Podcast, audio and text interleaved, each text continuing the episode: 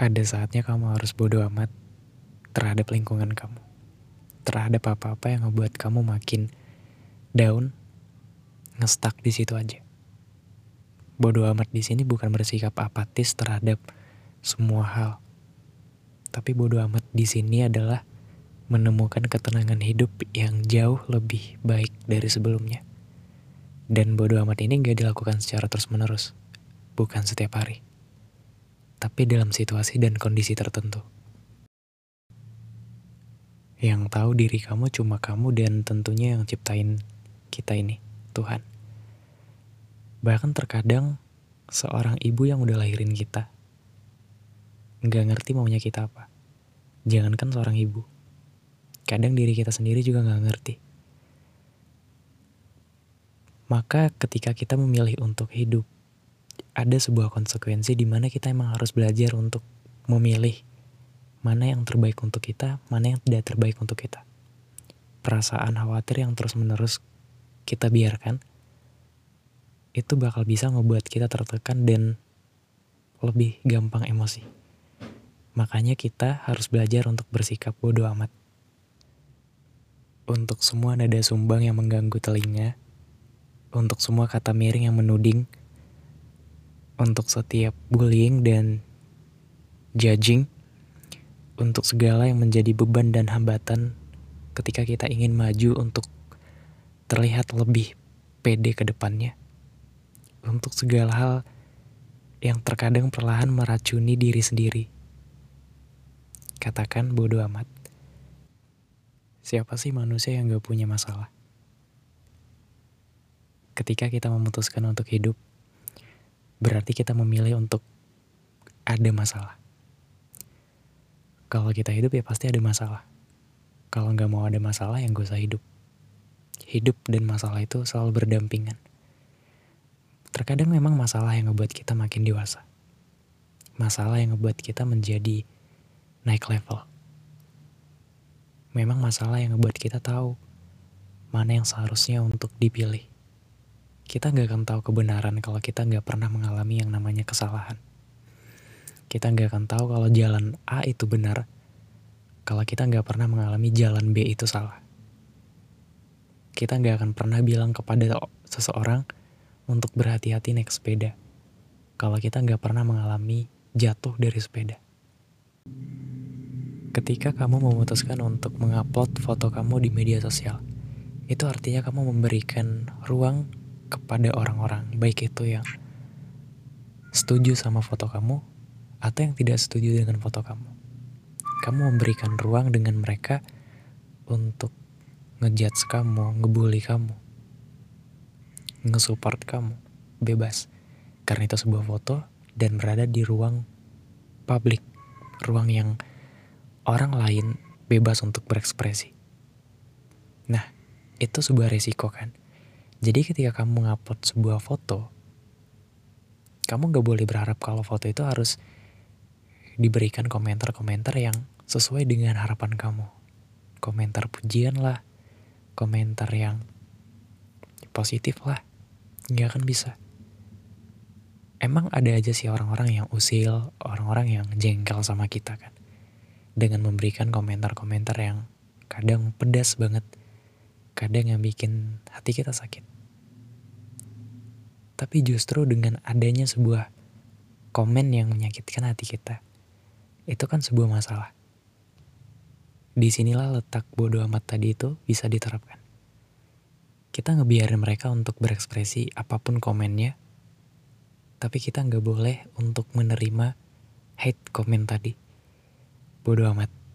Jadi kita memilih mana yang terbaik untuk kita, mana yang tidak terbaik untuk kita. Kehidupan itu banyak problematiknya. Dunia itu banyak warna-warninya. Senang dan sedih, tertawa dan merenung. Ada masanya. Karakter setiap orang pasti berbeda-beda. Semakin bertambah usia, semakin bodoh amat untuk mendengarkan perkataan orang-orang. Kamu harus menjauhi orang-orang yang toksik dalam kehidupan kamu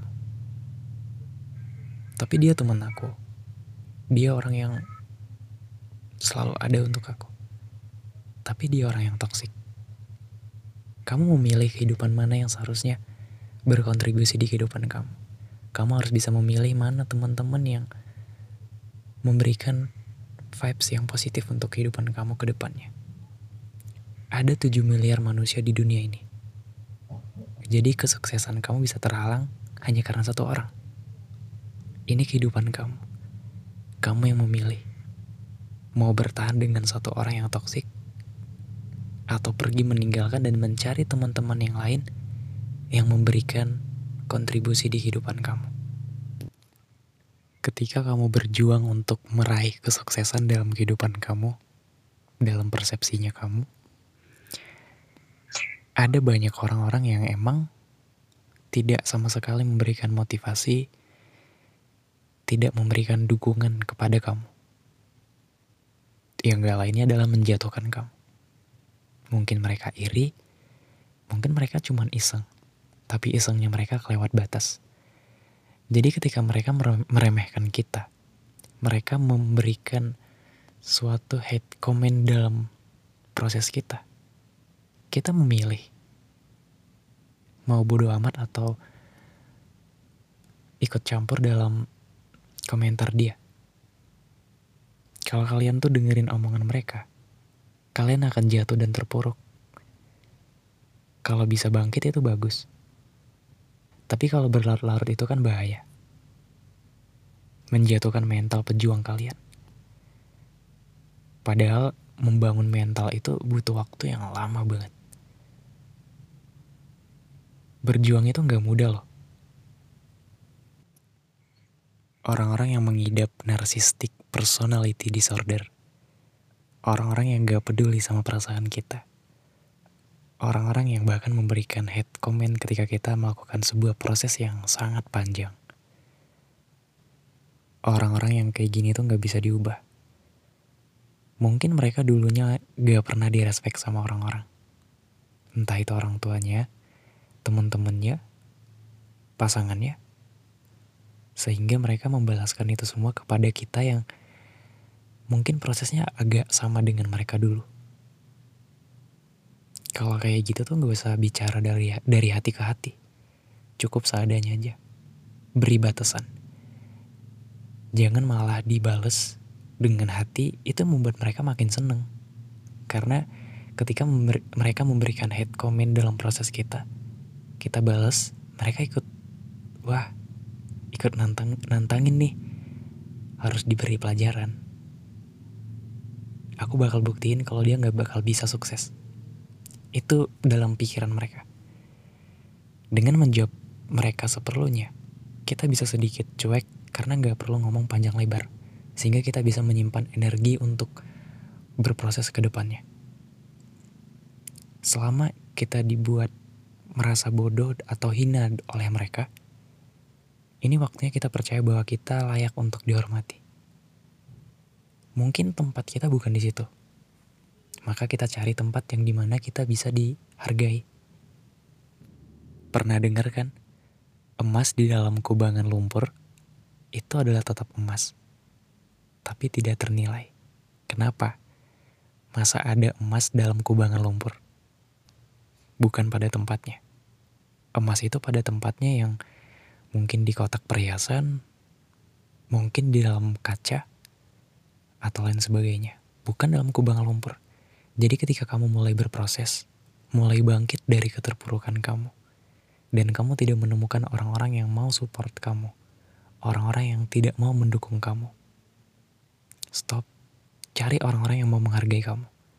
Jangan berada di lingkungan tersebut. Itu yang membuat kamu makin jatuh, makin dalam. Ketika kamu mulai naik ke atas, mereka tarik kamu. Tarik sekuat-kuatnya hingga kamu makin jatuh. Dan sebenarnya menurutku yang paling penting adalah menjauhi mereka secara fisik. Itu akan membantu pemulihan kamu. Tapi sayangnya orang-orang yang kayak gitu nggak jauh adalah keluarga kamu sendiri.